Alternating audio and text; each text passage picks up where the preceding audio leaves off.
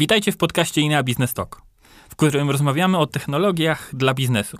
Ja nazywam się Tomek Stankowski, a w dzisiejszym, już drugim odcinku naszego podcastu zastanowimy się, czy małe biznesy potrzebują zabezpieczenia danych, a jeśli tak, to dlaczego. Moim rozmówcą jest dzisiaj Marcin Czechowski, Business Development Manager w firmie Inea. Cześć Tomku, dziękuję za dzisiejsze zaproszenie. Marcinie, zacznijmy zatem może od tego, czym są małe biznesy i w jaki sposób je rozumiemy. Mhm, oczywiście, już ci tłumaczę. Wielkość firmy zwykle oceniamy według liczby jej pracowników no, oraz rocznych przychodów. E, podział ten, można powiedzieć, jest następujący. Mikroprzedsiębiorstwa, no one zatrudniają do 10 pracowników, a ich roczne obroty netto nie przekraczają 2 milionów euro. E, następnie mamy małe firmy, mają one mniej niż 50 pracowników i roczne przychody no, są mniejsze niż 10 milionów euro. E, następnie są średnie przedsiębiorstwa do 250 pracowników i 50 milionów euro rocznie. Chciałbym zarobić 2 miliony euro rocznie, nawet jako małe przedsiębiorstwo, no ale jak sądzę, są jeszcze te gigantyczne firmy. Jak to wygląda u nich? Jak ta klasyfikacja się tam zakłada? Tak, masz rację. Na końcu y, mamy oczywiście duże firmy. Y, są to takie, które zatrudniają powyżej 250 osób, a ich obroty roczne, no w tym przypadku akurat przekraczają 50 milionów euro. No tutaj warto zaznaczyć, że ta klasyfikacja, o której teraz rozmawiamy, no ona jest jednakowa dla wszystkich krajów Unii Europejskiej.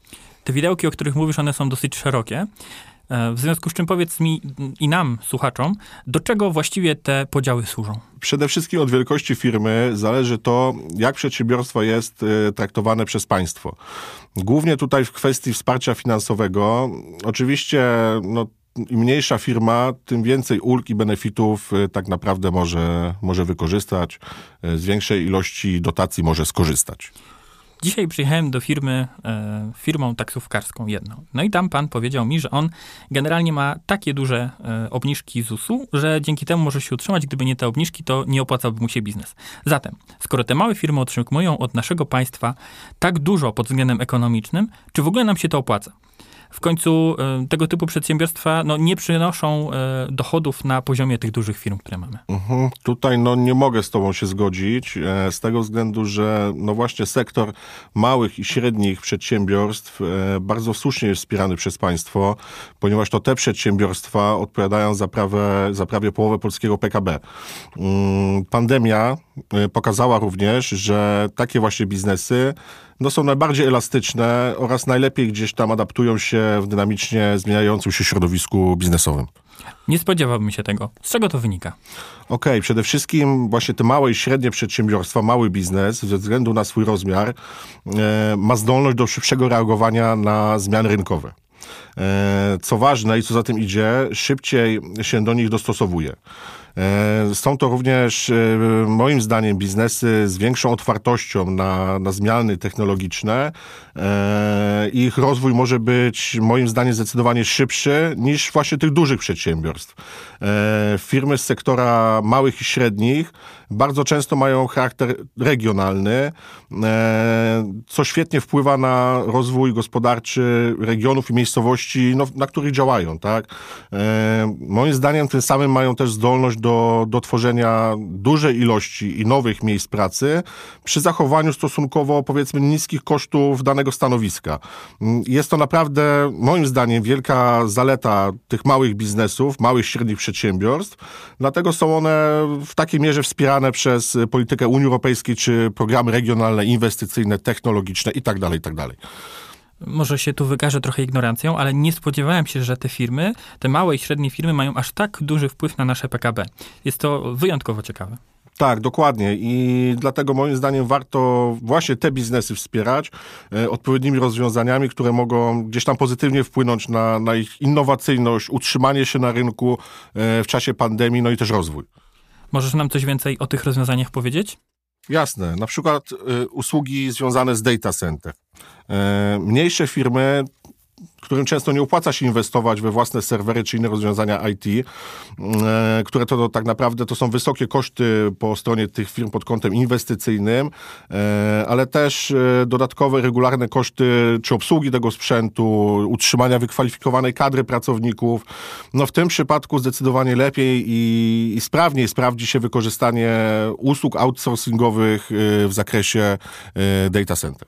Wydaje mi się, i z tego, co mnie nauczono w w moim toku edukacji, że outsourcing to jest wtedy, kiedy staram się coś wypchnąć na zewnątrz, żeby to było tańsze. Czy też tak jest w tym przypadku? Tak, tutaj zdecydowanie masz rację, natomiast lista korzyści z wyniesienia e, usług e, serwerowych na zewnątrz e, no jest zdecydowanie szersza. No dobra, no to co w takim razie jeszcze na tej liście jest? Mhm, no w przypadku Inea Data Center są to na pewno gwarancje bezpieczeństwa przechowywania danych klienta. E, z drugiej strony pełna ich integracja w jednym miejscu, w jednym środowisku tak naprawdę, e, co zapewnia im dostęp, e, firmom zapewnia dostęp 2-4 na dobę, 7 dni w tygodniu. W przypadku prężnie się rozwijającej firmy ogromnym plusem jest również, powiedziałbym, skalowalność tych rozwiązań, które akurat my w naszym data center proponujemy. Skalowalność. Co to dokładnie oznacza? Mhm. W praktyce skalowalność oznacza bezproblemowe zwiększenie, nazwijmy to, pakietu usług, z których korzysta firma. Jeśli okaże się na przykład, że potrzebna jest większa przestrzeń dyskowa, firma nie musi e, gdzieś zakupować nowych serwerów, nie musi dokupywać nowych macierzy, nowych dysków. E, wystarczy prosta i szybka rekalkulacja usługi w data center INEA. No moim zdaniem to jest proste, szybkie i wygodne rozwiązanie. Rozumiem, że nasza, nasi, nasi klienci w takim wypadku kontaktują się z naszymi e, opiekunami biznesowymi i załatwiają to w tej kwestii. Tak, wszystko oczywiście możemy załatwić e, online. Wystarczy gdzieś tam kontakt z e, opiekunem biznesowym e, i sprawę mamy załatwioną. Brzmi to wygodnie. Zastanawiam się tylko nad jedną rzeczą. Te małe firmy, do czego one w praktyce mogą wykorzystać backup czy cloud? Kojarzy się to raczej z takimi wielkimi firmami, które przetwarzają ogromną ilość danych i, i, są też narażone na te cyberataki. Tak, no tutaj warto na chwilkę gdzieś zatrzymać się na tym, co powiedziałeś, czy cyberatakach. E, ostatnio przeglądałem raport firmy, firmy VMware Carbon Black, e, który mówi, że w czasie no, trwającej od ponad roku pandemii e, ilość ataków e, na małe i średnie przedsiębiorstwa wzrosła na aż o 61%, e, więc patrząc na ten raport, można powiedzieć, że jest zupełnie odwrotnie. E, sektor małych i średnich firm staje się moim zdaniem coraz bardziej interesujący dla cyberprzestępców, więc no, tym bardziej konieczne jest zadbanie o bezpieczeństwo przechowywanych danych. No i tutaj przypomina mi się złota reguła backupu 321, która mówi o tym, że dane należy przechowywać w trzech egzemplarzach na dwóch różnych nośnikach, a jeden z nich powinien znajdować się poza siedzibą firmy. To jest bardzo istotne. Cofnę się tylko na moment jeszcze do pierwszego odcinka naszego podcastu. Mm, tam Łukasz Cieplak nam mówił również, że mm, dane udostępnione przez e, Radware e, o atakach DDoS, to jest, e, które są najczęstszą formą ataków, to jest 46% ataków właśnie online. Czy zgadzasz się z tym? Tak, jak najbardziej. No tutaj też warto, warto nadmienić, że INEA ma rozwiązanie, które klienta no, może zabezpieczyć również przed tymi atakami. Dobra. E, czy to, co powiedziałeś wcześniej, czy to jest to, co gwarantuje backup?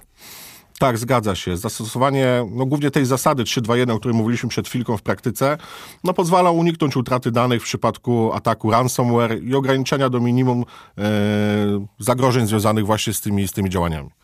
Okej, okay. w takim razie backup faktycznie no, no, brzmi tak, że jest potrzebny małym biznesom. A co z cloudem? Okej, okay, no tutaj poruszamy drugi gdzieś tam korowy temat. Eee, muszę powiedzieć, że chmura to tak naprawdę niezwykle ważna usługa w każdym biznesie, tak naprawdę z kilku powodów. Przede wszystkim odpowiada ona za ochronę danych firmy oraz jej klientów. No tutaj pamiętajmy o ustawie RODO.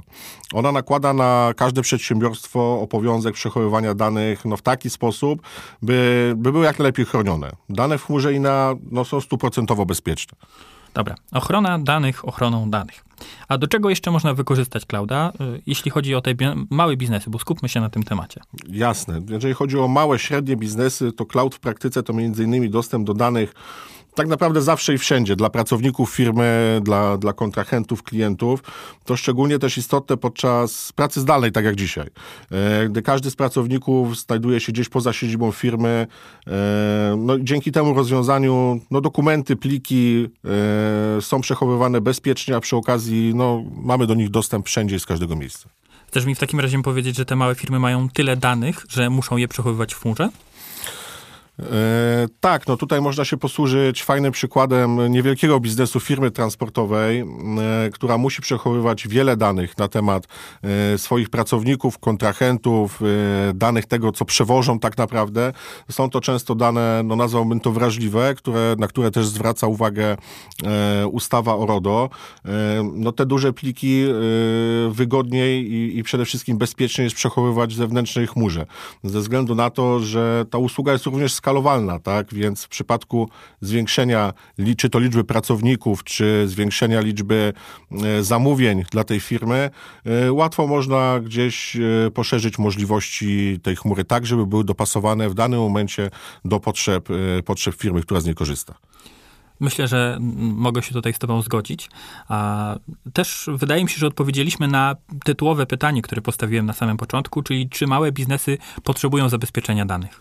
Dokładnie tak. I tutaj myślę, że warto zapamiętać, że no właśnie małe, średnie biznesy są coraz częściej i prężniej rozwijającym się sektorem, częściej narażonym niestety na cyberataki. No i właśnie dlatego zadbanie o bezpieczeństwo danych jest bardzo ważne.